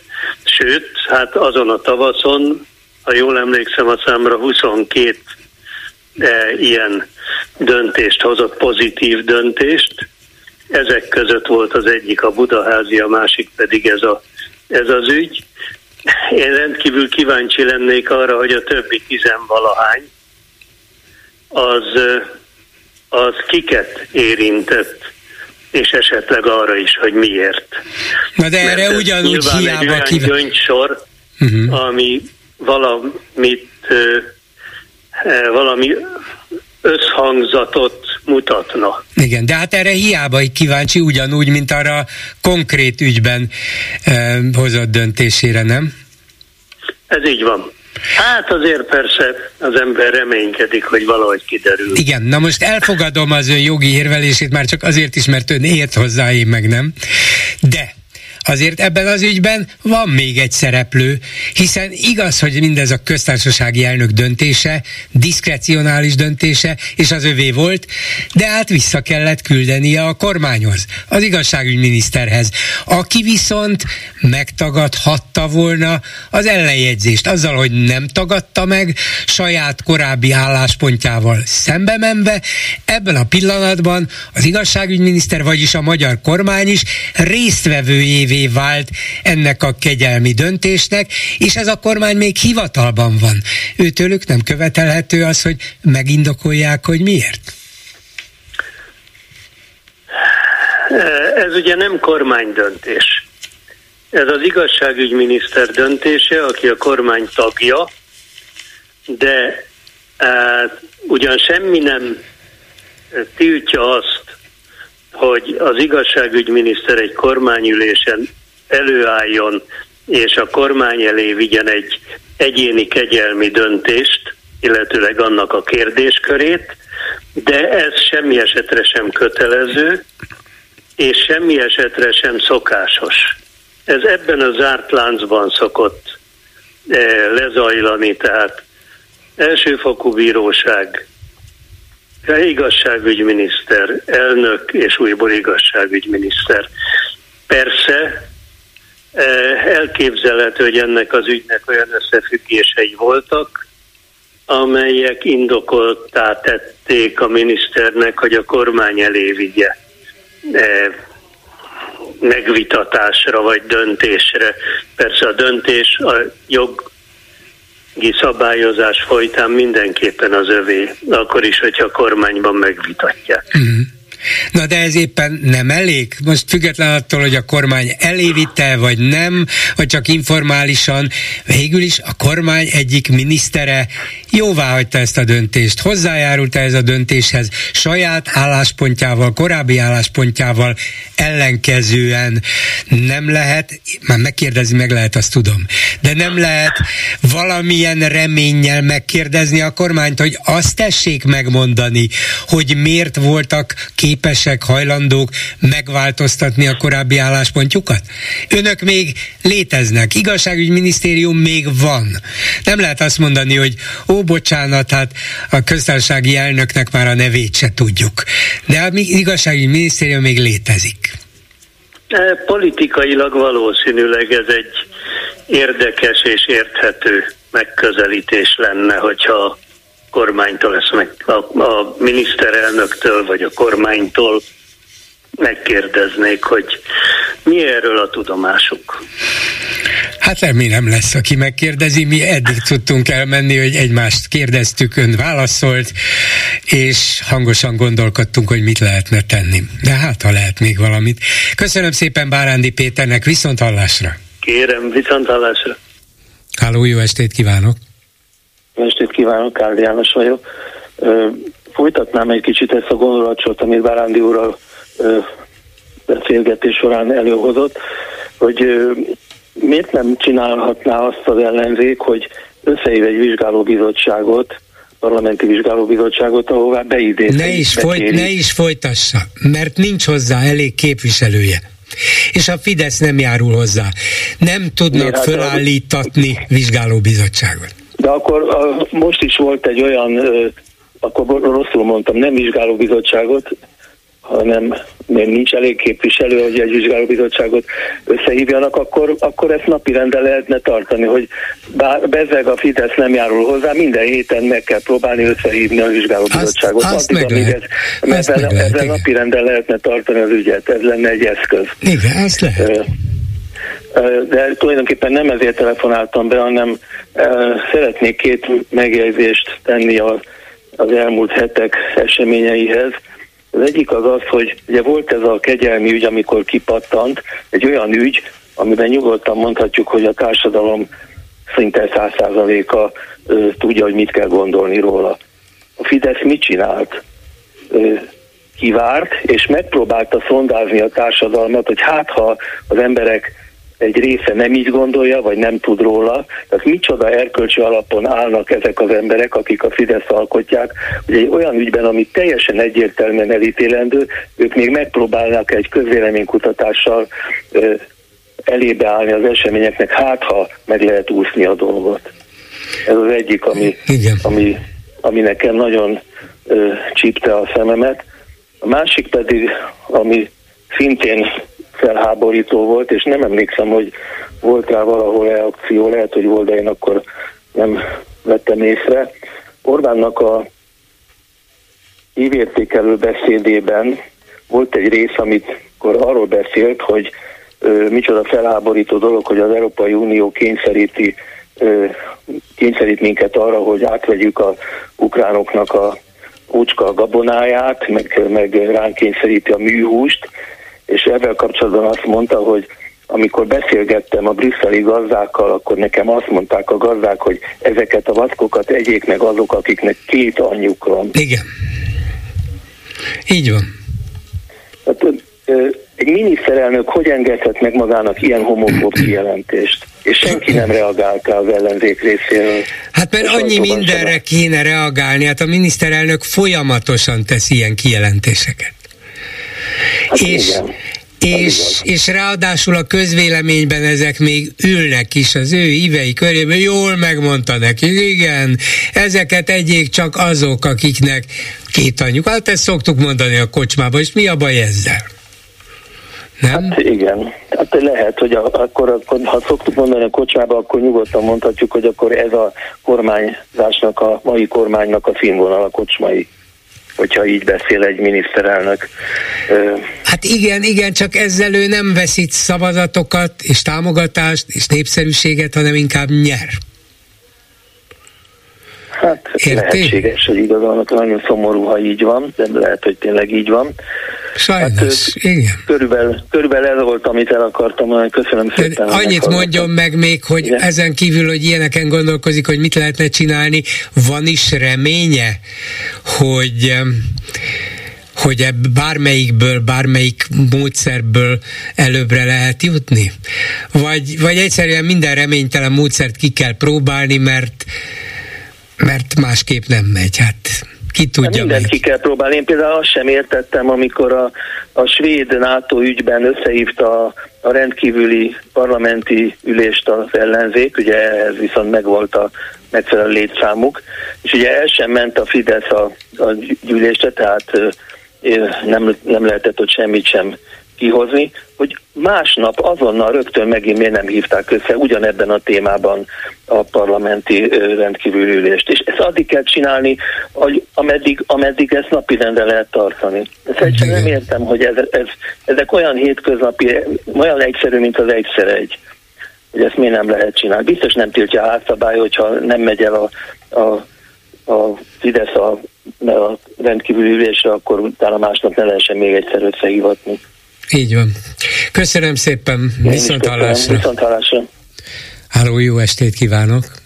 Jó estét kívánok! Én ahhoz a megérdésekhez szeretnék hozzászólni, mely szerint a miniszterelnöknek mennyiben van felelősséges, mennyiben nem. Igen. Kérem szépen cégvezető voltam, nem is kis cégnek tulajdonos is, már nem vagyok, építőipari cég, jól tudjuk, hogy kik vették át a cégem, de ez egy külön beszélgetés témája lesz, erről most nem szeretnék beszélni. Az a lényeg, hogy valamely oknál fogva én nem tudtam, hogy én nem vagyok felelős az alkalmazottaim ö, véleményért, tevékenységért. Sőt, nem vagyok felelős a könyvelőmért se. Ezt én akkor nem tudtam. Én felvállaltam a felelősséget akkor is, amikor nem láttam, hogy valamely mérnök kollégám hol, mikor, mit ír alá. Nem tudom minden egyes tételét, például a mérlegnek, amelyet minden évben alá kell írnom, és be kell adnom. Mégis felelős voltam érte. Tehát a miniszterelnök, nem nevezem nevén, mert ő sem nevez embereket nevén, a miniszterelnöknek politikai felelőssége van. És nekem is voltak olyan felelősségeim, amik nem pénzzel fogható felelősségek voltak, és mégis ki kellett állnom a szőnyeg szélére, és el kellett magyaráznom, hogy ki miért döntött úgy, vagy amúgy. Tehát az a, az a mondás, hogy ő nem tudott, nem is igazán az a lényeg, hogy tudott vagy nem, a felelőssége meg volt. És azt nem tudja a szőnyeg alá söpörni. Volt egy felelőssége és ennek a felelősségnek nem tett eleget. Ő felelős volt a miniszteréért. Hát hogy ne, és ezért felelőssé is tette, már nem is miniszter, de még abból is kirúgta, ami lehetett volna, illetve ami volt a képviselőségből.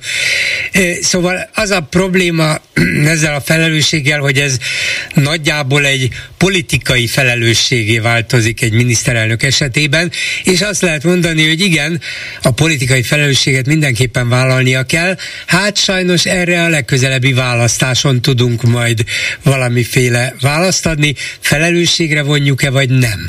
Ha Orbán Viktor ügyes, ha Orbán Viktornak a kezében van minden hatalmi eszköz, akkor hiába igyekszünk, hiába tartjuk őt felelősnek, a többség nem fogja engedni, hogy őt felelősségre vonják.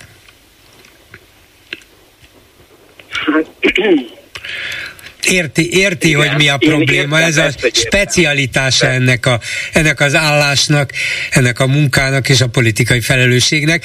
Abban benne van az is, hogy néha olyasmiért vonnak politikai felelősségre, súlyos következményekkel embereket, amikért igazán nem felelősek, sőt tulajdonképpen az ellenkezőjét akarták vagy csinálták, de a politikai felelősség árnya mégis rájuk vetül, és vannak ilyen esetek, amikor tudjuk, hogy mindenért felelős, mindenért felelős is akar lenni, mindenben bele is szól, mindenben ő a végső, ő mondja ki a végső szót. Tehát gyakorlatilag tudjuk, csak éppen nincs ott a kamera, hogy rögzítsük is. De mégis el tudja intézni, hogy a többség ne vonja őt felelősségre.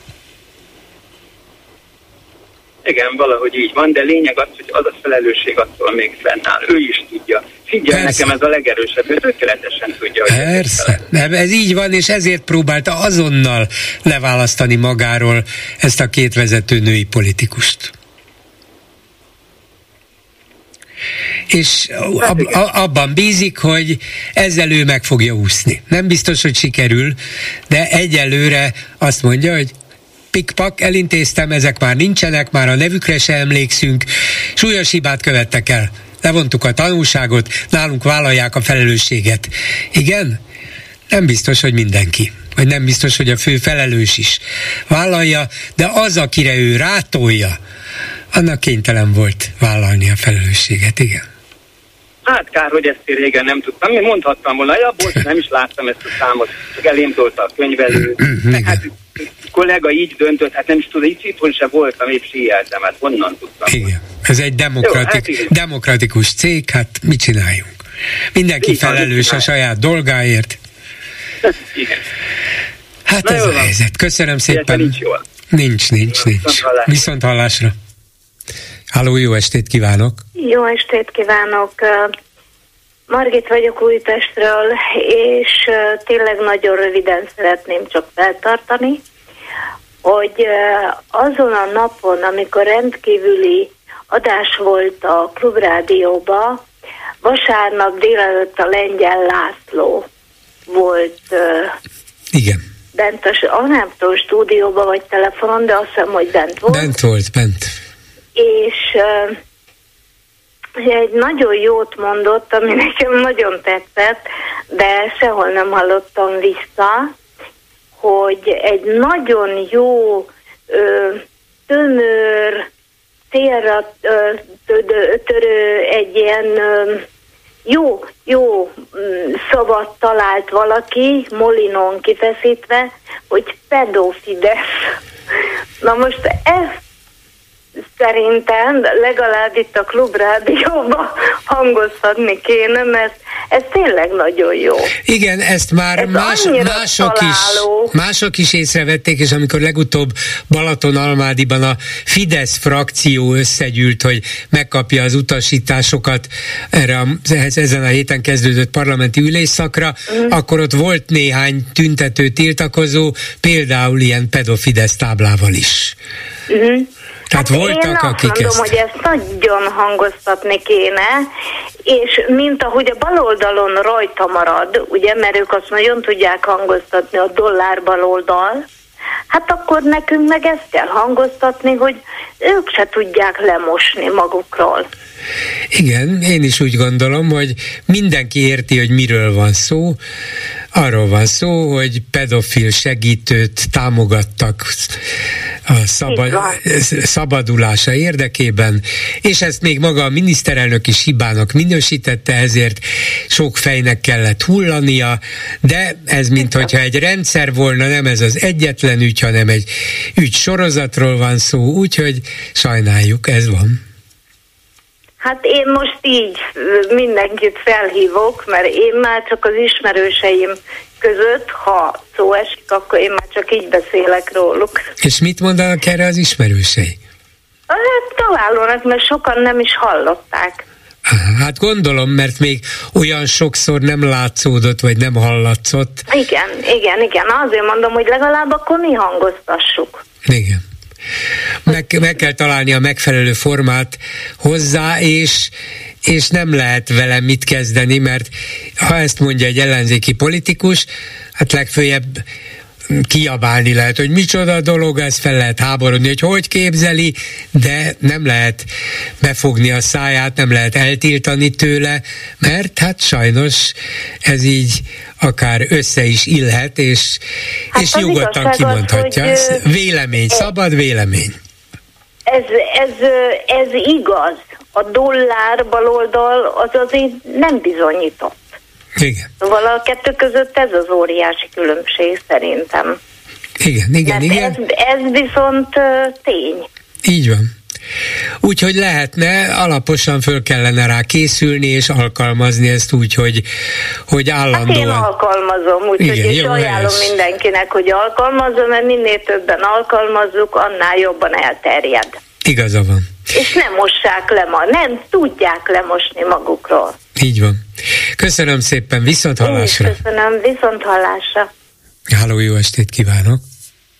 Jó estét kívánok. Én vagyok. Igen, tessék.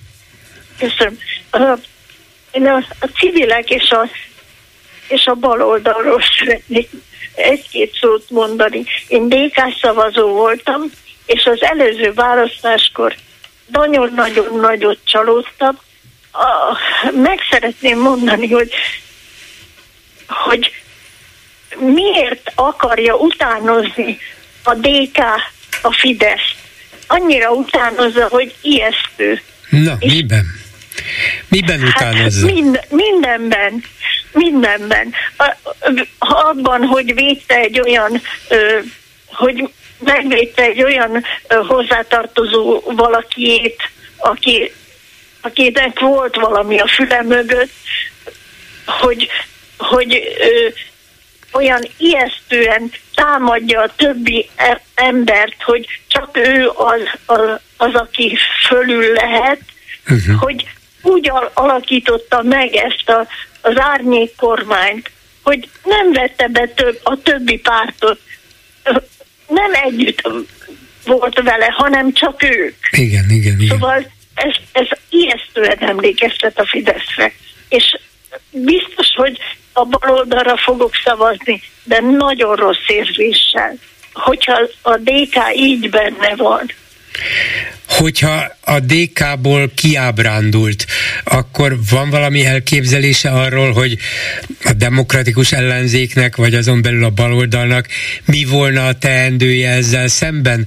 Nem látszik, hogy túl nagy eredményt ért volna el a DK ebben, mert, mert igazán nem nagyon tudta növelni a, a népszerűségét a szavazók körében, viszont a többiek sem tudtak erősödni, inkább a, az ilyen körön kívüli pártok, mint a kétfarkú kutyapárt. Szóval mit kellene tennie a hagyományos pártoknak, hogy visszanyerjék az erejüket, és mondjuk a DK-val szemben is érvényesítsék? Hát én nekem igazából van kedvenc pártom, a, a karácsonyék pártja, csak azt hiszem, hogy annyira tisztességesek, hogy azért nem állnak melléjük az emberek, mert nem, nem ilyen nem hát, ilyen nem, nem nagy hangú, emberek. Nem hangosak, nem nagy hangúak, igen, igen, igen. Igen, Túl igen, szerény. igen. és hát elég, elég borzasztó, hogy, hogy, az, hogy az emberek nem a tisztességre figyelnek, hanem a nagyhangúságra. De és úgy látszik, hogy a pártoknak pedig szerepük van ilyenben. Uh-huh. Azért a civilek, a civilek, a civilek, mindig a civilek a jó. És az civileket hogy lehetne behozni ebbe a mindennapi politikai életbe? Mert látjuk, hogy sok tekintetben van szerepük, van ö, olyan fajta mm, a dolgokat elősegítő, előkészítő, az embereket érzelmileg mozgósító hatásuk, ami, ami sokszor előjön, de, de döntő pillanatban valahogy ott kellene lenniük, amikor szav szavazásról van szó, és, és akkor nekik is valamilyen módon meg kellene szerveződniük. Hogyan, kikkel, kivel összeszövetkezve, vagy pártot alakítva, hogyan változtassanak a civilek? Nem a civileknek kéne változtatni, hanem a pártoknak. Uh-huh. Pártoknak kéne hát hozzá. Nem, ennek a ked- uh-huh. nem a kedvenc pártomnak, a DK-nak, mert hogyha ő annyira hangoztatja, hogy ő milyen fönnlevő, akkor változzék meg.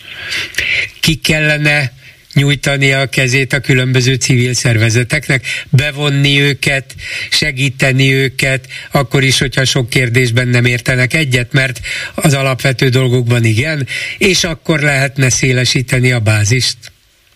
Az a baj, hogy nem, a, nem az alapvető kérdésekben nem értenek egyet, hanem ez az önhitség, ez a, ez a, a magát föltoló csak én vagyok a valaki fönt. Ez, ez szóval ez az uralkodó. És az, az, azért, hogyha nem a nem a civileknek kéne hozzájuk mhm. alkalmazkodni, hmm. hanem Nekik a utána gondolni, hogy miért vannak ők a világon, han, hogy kellene, hogy az embereken segítsenek, és nem fölül uralkodjanak, mint ahogy az a Fidesz. Uh-huh. Hát értem, értem, van a politikának egy bizonyos öntörvényűsége, ami miatt erősnek, meg határozottnak kell mutatnia magát egy pártnak és egy vezetőnek, nem civilnek, mert azt várják tőle végül a szavazók, hogy intézd el határozottan az ország ügyes bajos ügyeit, csinálj rendet, vezess, mutasd az irányt, a civilek pedig nem ilyenek, ők, ők másban jók. Igen, csak az a baj, hogyha pontosan ugyanolyan lesz, mint a Fidesz, akkor, akkor minek? Az így van. Köszönöm szépen, asszonyom. Viszont hallásra, minden jót. Viszont hallásra. Háló, jó estét kívánok! Jó estét kívánok, örülök, hogy meggyógyult, és napról napra jobb a hangja. Igen, igen, Továbbra igyekszem. is jó egészséget Köszönöm. kívánok. Ez volt az egyik. A másik, volna egy kérdésem. Lehet, hogy nagyon naív vagyok, gondolja ezt ön, nem vagyok naív, csak idézőjelbe téve, hogy eddig az Áder, a Schmidt, a Novák és most a súlyok, ennek a kis országnak négy miniszterelnököt kell majd eltartani az elkövetkezendő időszakban? Négy elnök, elnök, elnök, elnök nem miniszterelnököt. Miniszterelnököt csak Bocsánat, egyet, de... köztársasági elnök, igen, illetve igen. köztársaságunk nincs is csak államelnök. Igen. Most mindegy, teljesen csak úgy, úgy megkérdezem. Igen, Tudom erre a választ természetesen, csak én azt gondolom, hogy nem ártana, hogyha ez a köztudatba jobban bele, tud, hogy tudatosítva lenne, és tudnának róla az emberek. Azon kívül tudnának olyan dolgokról, bolgár úr, hogy, hogy most is közel egy milliárdot milliót adtunk ebbe a településen lévő kastélyba, ahol ez a bizonyos... Ez a Zabola, Zabola. Ped, pedofilos Igen. úr, nem is tudom, szabad ezt a szót rá használni, hát hogy úr. Pedofil segítő volt igazgató Mire föl? Meg azért jó lenne tudni azt is, hogy ilyen oknyomozó újságírók, hogyha ö, tudatnák ö, gyakrabban, hogy melyik településen milyen, ö, tehát összesítve milyen ö, kastélyokhoz, milyen templomokhoz járultunk hozzá, mert azért tud kétharmadot szerezni a, a Fidesz, mert a környékbeli országokból, akik ugye magyar állampolgárok lettek, szavazhatnak, amivel szintén nem értek egyet, tudom, hogy ez nem jelent semmit, mert ott, ott szavazzon, ahol adót fizet, itt nekünk nem fizet.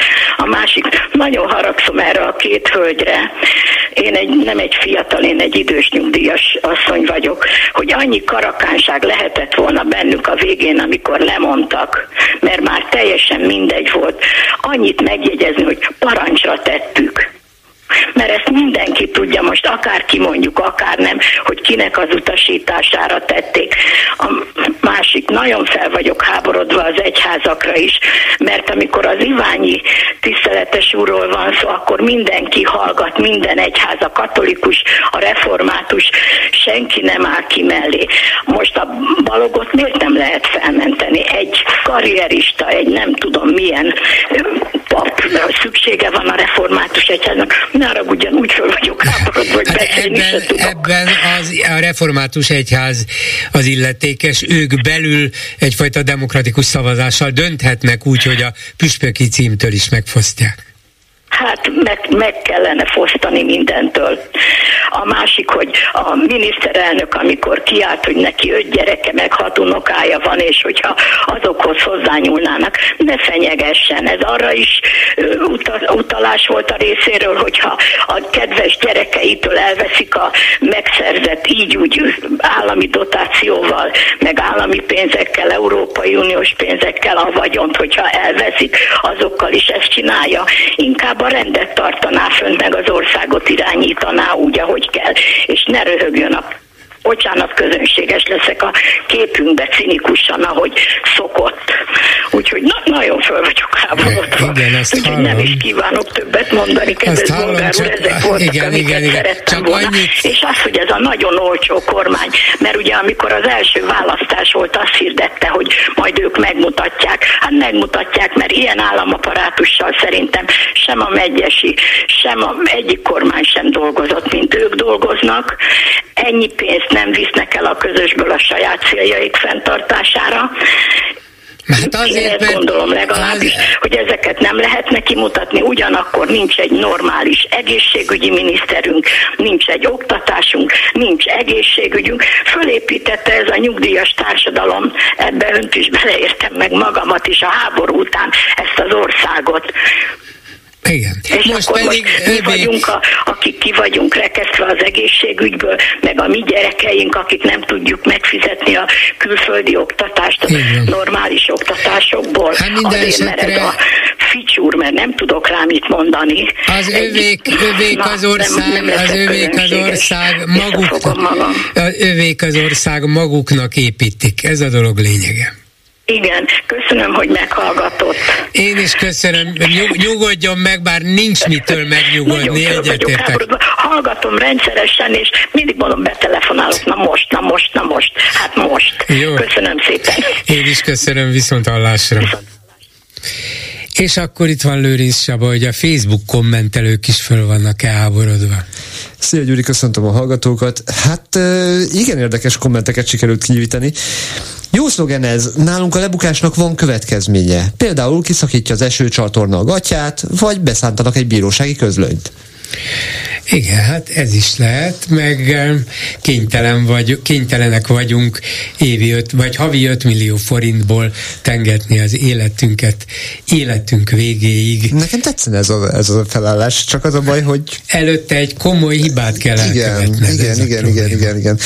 Ha már a hiba elkövetőjéről van szó, nem szabad kiejteni az elnök asszony nevét, mert valaki azt mondta, mondhatta Rogánéknak, vélekedik egy kommentelő, ha Katalin kopog, Magyar Péter locsog, vagy mi. Uh, nagyon szeretem a Facebook kommenteket, csak a, az olcsó humort nem annyira. Aztán valaki felvetette, hogy azért Magyar Péterrel inkább óvatosabbnak kellene lenni, nem kellene annyira elhinni mindent, amit mond miért ne kéne elhinni?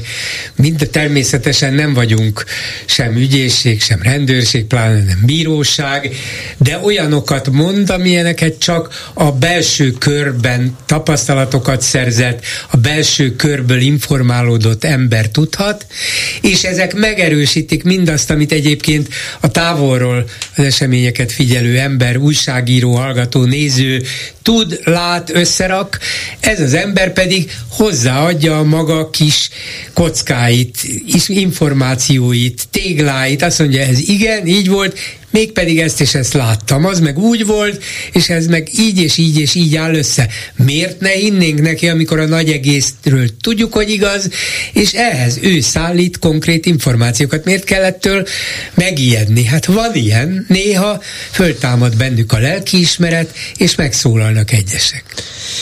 Aztán az 5 óra, 5 órás hírek előtti telefonálóval kapcsolatban valaki megkérdezte, hogy ha Orbán annyira tisztességes és tudott a kegyelmi ügyről, akkor miért nem követelik ő gőzerővel, hogy derüljön ki minden részlet? Nem ezt kívánna a tisztesség? De ezt kívánná, csak valami más úgy látszik ennek nagyon-nagyon ellentmond, miközben ő tudja a választ, a volt elnökasszonyhoz irányít mindenkit.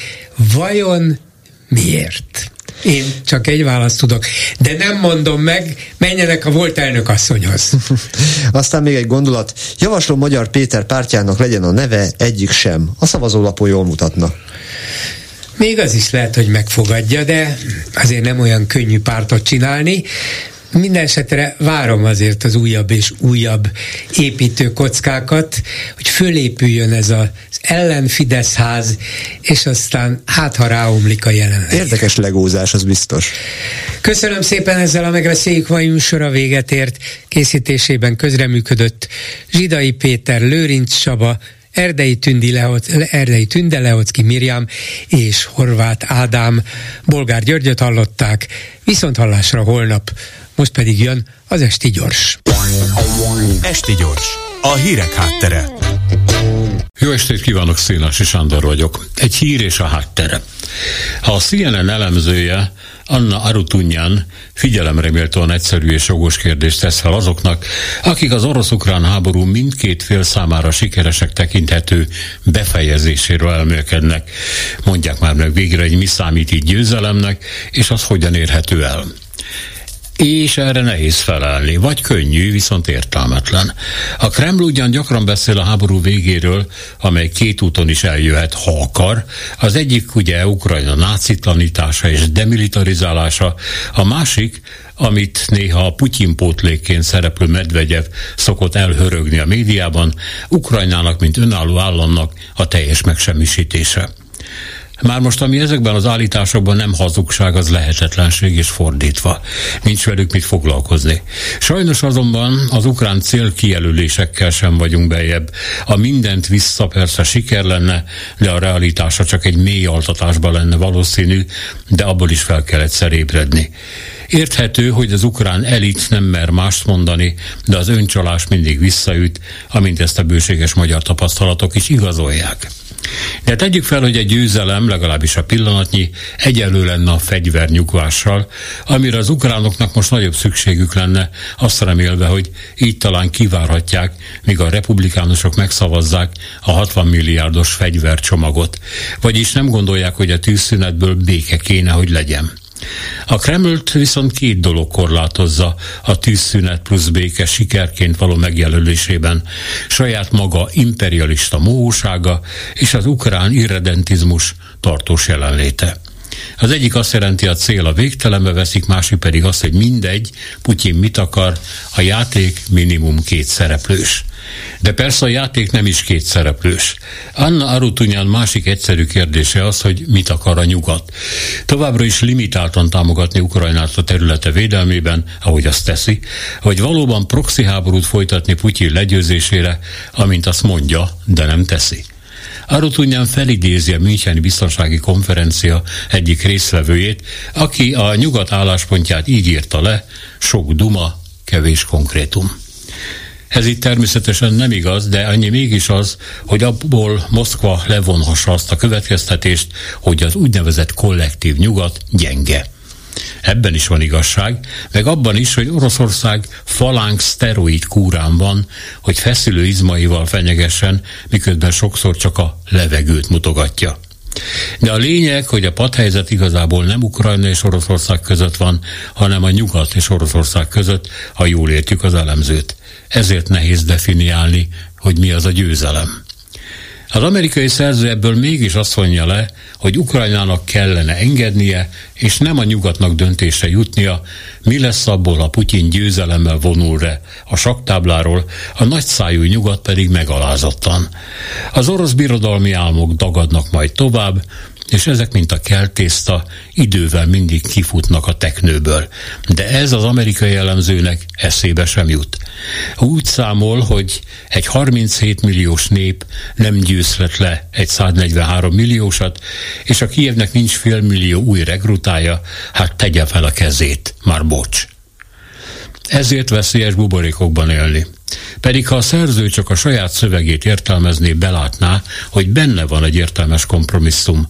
A saját árnyékát átlépő nyugati stratégia ötvözése a lehető legtöbb területet megőrző ukrán potenciál reális felmérésével, a nyugati biztonsági garanciák megadásával, ez szerencsére említi is a szerző, olyan hatékonysággal, hogy az orosz militarizmus joggal érezhesse rettenetesen oldalba rúgva magát egy sok-sok évi lábadozás előjátékaként.